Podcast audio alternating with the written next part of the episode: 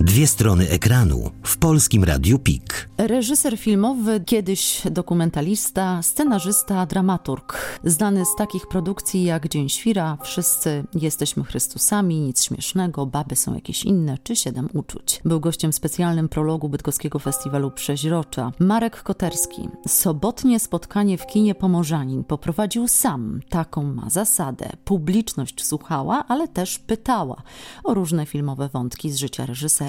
Najważniejsi jesteście dla mnie wy, widzowie, podkreślił podczas sobotniego spotkania Marek Koterski. W kinie Pomorzanin zaprezentowano film dokumentalny Marka Koterskiego Ech z 1972 roku oraz debiut fabularny z 1983 roku Dom Wariatów. Po projekcji Marek Koterski opowiedział, jak udało mu się jako debiutantowi wtedy namówić do zagrania w swoim filmie Tadeusza Łomnickiego i Marka Kondrata, który y, wcielił się po raz pierwszy w postać Adama Miałczyńskiego. Krótko czy wyczerpująco? Krótko powiem, sam nie wiem, jak to się y, stało, że Tadeusz Łomnicki y, przyjął rolę debiutanta Góra.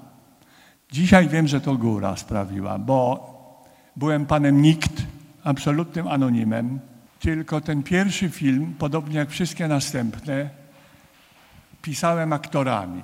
Ja pisząc, wiedziałem, że to musi być Kondrat, musi być Łomnicki i kropka. W ogóle się nie zajmowałem takimi rzeczami, czy, czy ja jestem w stanie dotrzeć do nich, czy ich osiągnąć. Naprawdę to nie było z odwagi, ani stupetu mojego, że na pewno przyjmą.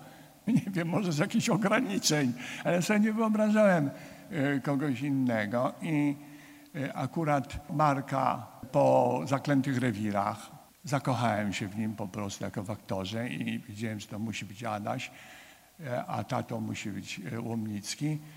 Pamiętam, że wtedy Łomnicki był rektorem, jeszcze wtedy się to nazywała Państwowa Wyższa Szkoła Teatralna w Warszawie, a nie Akademia.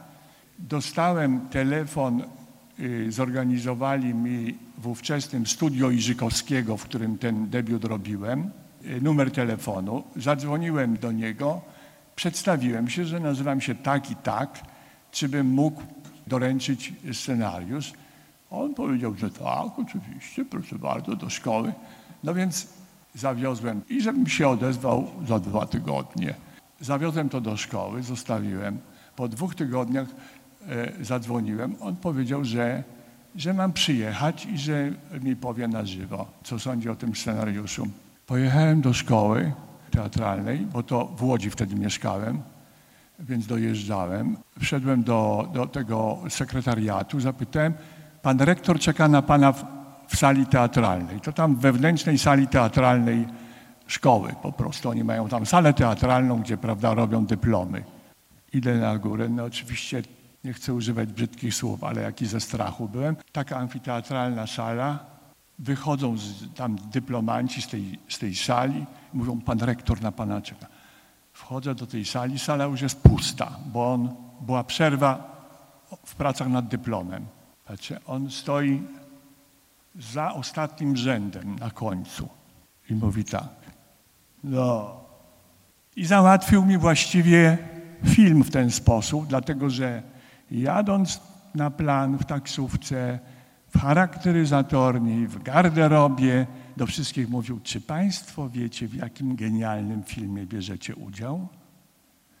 Więc oni wszyscy po prostu, jak Łomnicki to powiedział, ale podobnie było z Markiem Kondratem. Przecież Marek potem wspominał, że umówiłem się w podobny sposób. W przerwie, z kolei on w dramatycznym występował. Wtedy Wtedy robił, e, robili na zmianę z Franceskim w Gombrowiczu, główne role grali i w przerwie pomiędzy próbami wznowieniowymi w barze teatralnym się z, z nim spotkałem. I on potem to opisuje, że przyjeżdża do mnie facet o wyglądzie inkasenta z gazowni, tylko dlaczego on wszystko o mnie wie po tej lekturze, jak się tego.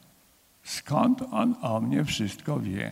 To doświadczenie powiedziało mi, nauczyło mnie wtedy, że najlepiej się pracuje z najlepszymi.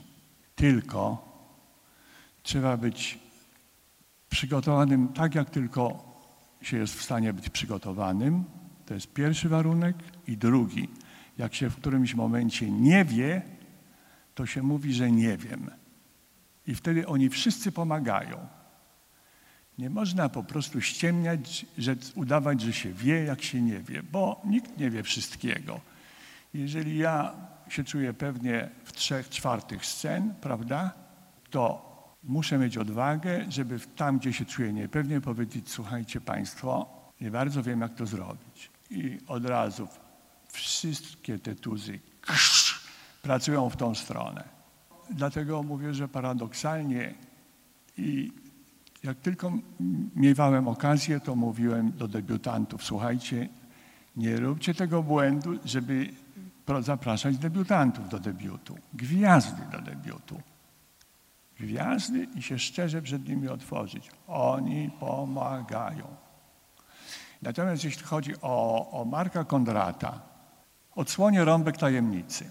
Już po tym, jak zrezygnował z grania, jak już wiadomo było, że, że gdzieś tam się, że tak powiem, że staje się winiarzem i, i przenosi do Portugalii czy Hiszpanii, odbyliśmy rozmowę długą, w której on mi powiedział dlaczego już. Sprowadzając ją do, do dwóch zdań, można powiedzieć tak. Powiedział tak, Marek, na twoje filmy nie mam już siły, a jak mi inni składają, to mnie to nic nie obchodzi.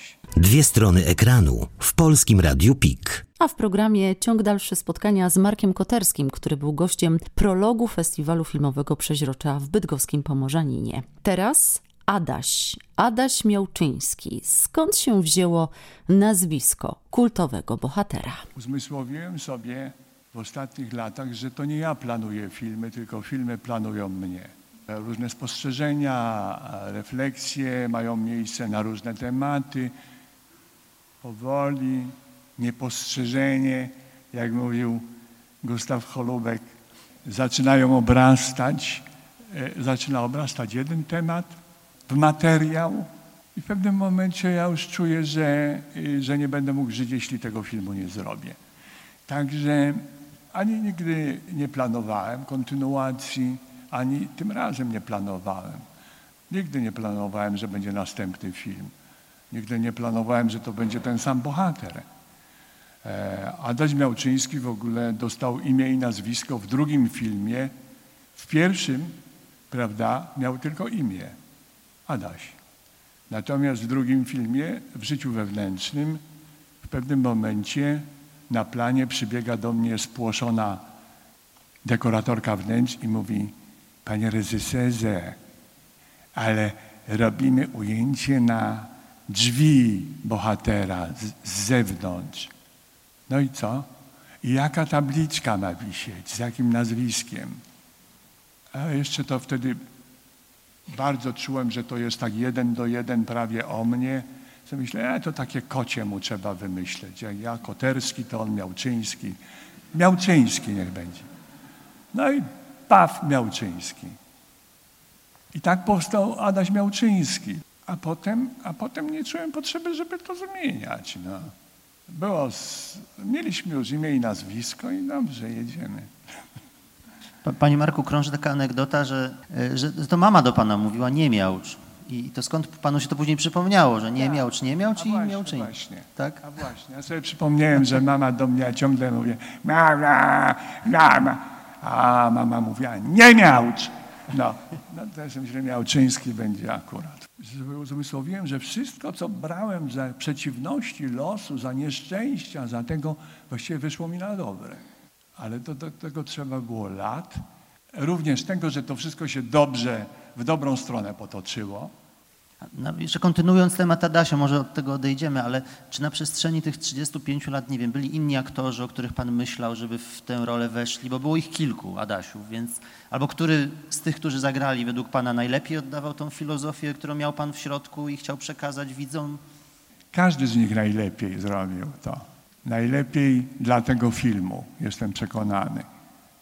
Każdy z nich był najlepszy dla, akurat dla tego filmu, w którym występował. Te wybory za każdym razem nie były z automatu, wynikały z, z odmienności zadań. Dość powiedzieć na przykład, że w ostatnim filmie, w Siedmiu Uczuciach, wrócę do tego, co powiedziałem na początku, że, że z reguły piszę aktorami, prawda? ale przy ostatnim filmie najpóźniej został obsadzony Adaś. Wszyscy już byli, już wiedziałem, najwcześniej wiedziałem, kto zagra geografa, dość powiedzieć. To chyba trzy lata wcześniej wiedziałem już, że geografa zagra Marcin.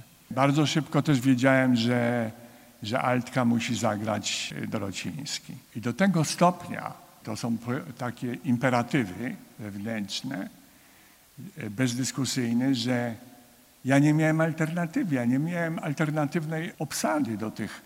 Wyobraźcie sobie Państwo, że to nagle musiało zgrać kilkanaście gwiazd terminy i ja w ogóle nie miałem dublur. I jak się okazało w pewnym momencie, w przeddzień zdjęć, czy po dwóch dniach zdjęć, że ja mam telefon, że nie podpisano jeszcze umowy z Altkiem, a jutro mam mieć z nim zdjęcia. Wykluczałem taką możliwość, że może ktoś inny zagrać. Koniec, kropka. Marcin i koniec. No i na szczęście to się, to się rozwiązało, ale ja to strasznie odchorowałem. Dostałem od razu 38 z kreskami gorączki, żona świadkiem po tym telefonie. Ja to po prostu było niedopatrzenie kogoś z produkcji. Jak wiadomo, to zajęcie jest lekkie, łatwe i przyjemne. Ale myślałem o Michale, ale czegoś mi ciągle brakowało.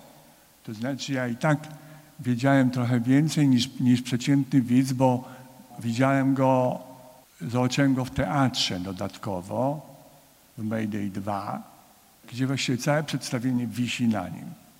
I wtedy sobie uzmysłowiłem, że o, od zawsze wiedziałem, że to jest zwierzę filmowe, takie, ma taką łatwość bycia przed kamerą, naturalną. Ale do tej roli wydawało mi się, że to nie wystarczy, że tu trzeba zrobić kreację. No i teraz zobaczyłem, że on dwie godziny wisi na nim przedstawienie w teatrze. No to już nie ma żartów. W filmie można pomóc aktorowi. Montaż, dubel, tego, wyciąć skoczyć na psa, wrócić na tego, tak jak, mu, jak się śmiał Łomnicki, jak mówi, że jak, że jak ja rozmawiam, proszę Państwa, w filmie z Cholubkiem i zrobią przebitkę na psa, to i tak najlepszy jest pies.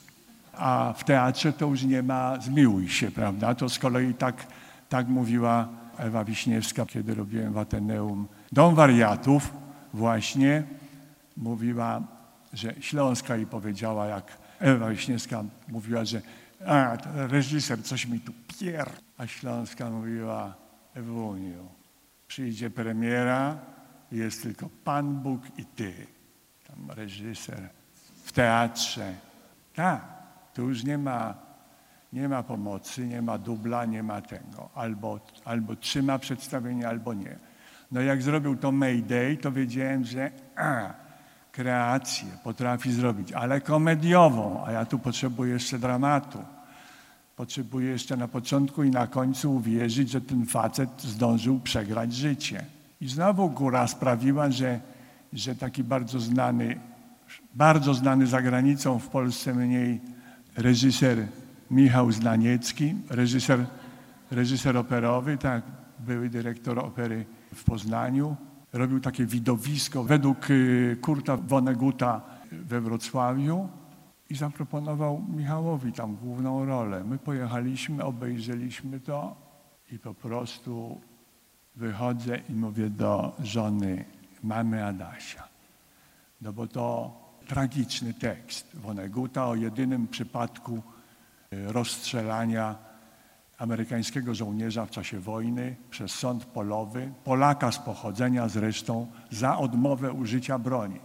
Jedyny przypadek. No więc to już wtedy wiedziałem, że mam komplet, e, dysponuję kompletem możliwości do tej roli. Także to jest przykład dla Państwa, że czasami to jest bardzo, bardzo długa droga i to mniej wynika mniej przez głowę, coraz mniej przez głowę, tylko z doznań, z odczuć, prawda? No tu mnie poruszył, tu mnie poruszył. Za moment y, ostatnia już odsłona spotkania z Markiem Koterskim. Dwie strony ekranu w Polskim Radiu PIK. I przed nami raz jeszcze Marek Koterski, reżyser, gość specjalny prologu Festiwalu Filmowego Przeźrocza w bydgoskim kinie Pomorzanin. I kolejne pytania od fanów i publiczności obecnej na tym spotkaniu. Na przestrzeni lat tworzył Pan bardzo dużo filmów dokumentalnych, asystował Pan podczas wielu filmów fabularnych, był Pan drugim reżyserem, aż do czasu debiutu, ale przed debiutem nastąpił taki moment, w którym, z tego co wyczytałem w internecie, że chciał Pan zakończyć karierę twórcy. Debiut był późno, bo po 40 roku życia, o ile się nie mylę. Drugi rok. Dokładnie, 42 rok.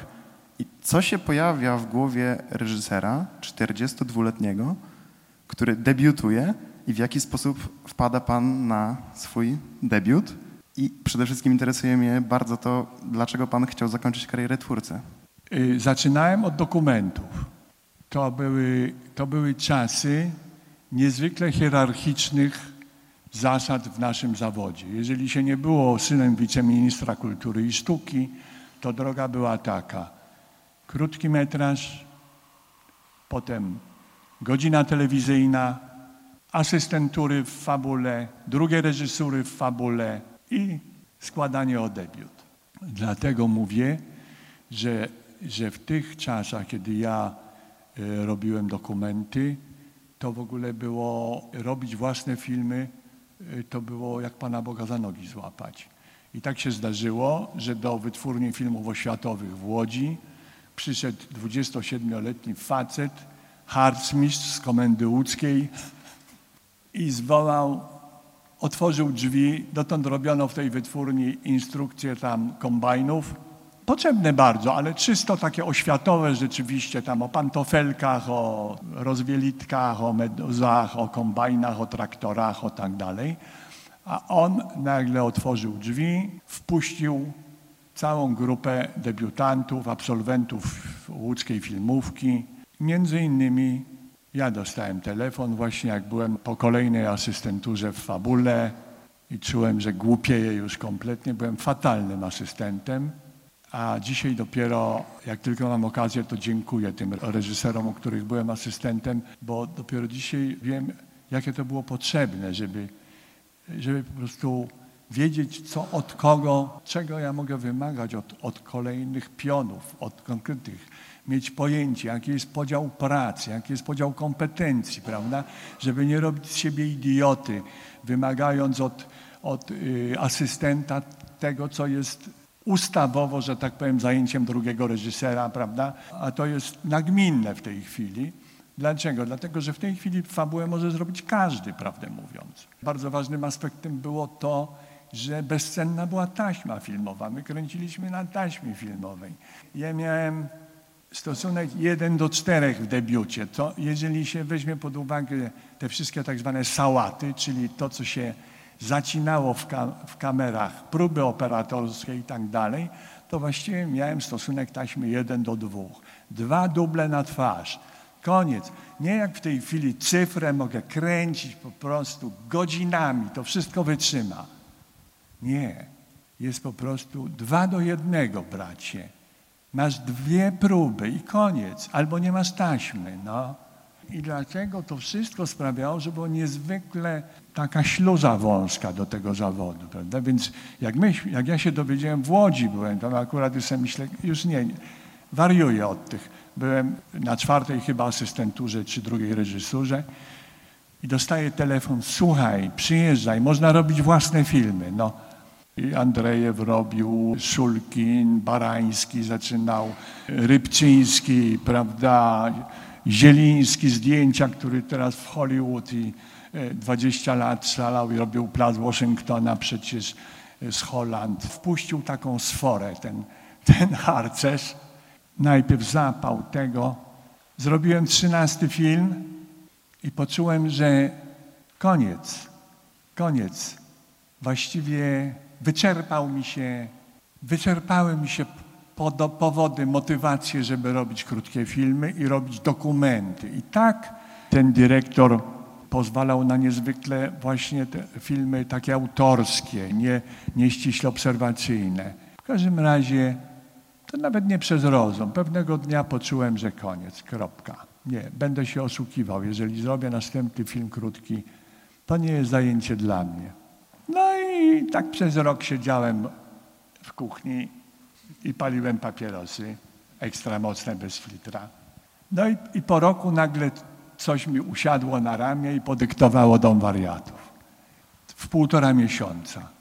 I to od razu tymi aktorami, oprócz matki, którą wymarzyłem sobie zupełnie inną, ale niestety dwa dni przed zdjęciami miał wypadek jej mąż i ona odmówiła. Ja musiałem w dwa dni zrobić zastępstwo. Także coś mi podyktowało ten dom wariatów. No i właśnie, a ja nie wiedziałem właściwie po co to napisałem. No i tak się zdarzyło, że w sąsiedztwie, w sąsiedztwie mieszkał też y, kolega pooperatorskim. Przyjechał akurat z Warszawy do niego na jakieś winko y, Waldek Dziki, który był jednym z szefów studia Iżykowskiego. No i tam siedzimy z Witkiem Dąbalem, Waldkiem Dzikim świętej pamięci, który kartkę z podróży między innymi zrobił, prawda, film. No i ja go odprowadzam już po wyjściu od Witka, tego Waldka Dzikiego. On mówi, ty słuchaj, a nie zrobiłbyś fabuły? Ja mówię, no a, a, a. Ja mam taki tekst. On mówi, no to przywieź go do studia, no. To wsiadłem, pociąg, pojechałem do studia Iżykowskiego, przeczytali, mówię, proszę bardzo, robimy. Krz. I gdyby nie ten wieczór i ten spacer, tralalala dalej, prawda? Góra, no góra. Wtedy przypadek, sobie myślę, nie, to nie są przypadki. To nie są przypadki, powiedział w sobotę w kinie Pomorzanin w Bydgoszczy Marek Koterski podczas prologu Festiwalu Filmowego Przeźrocza.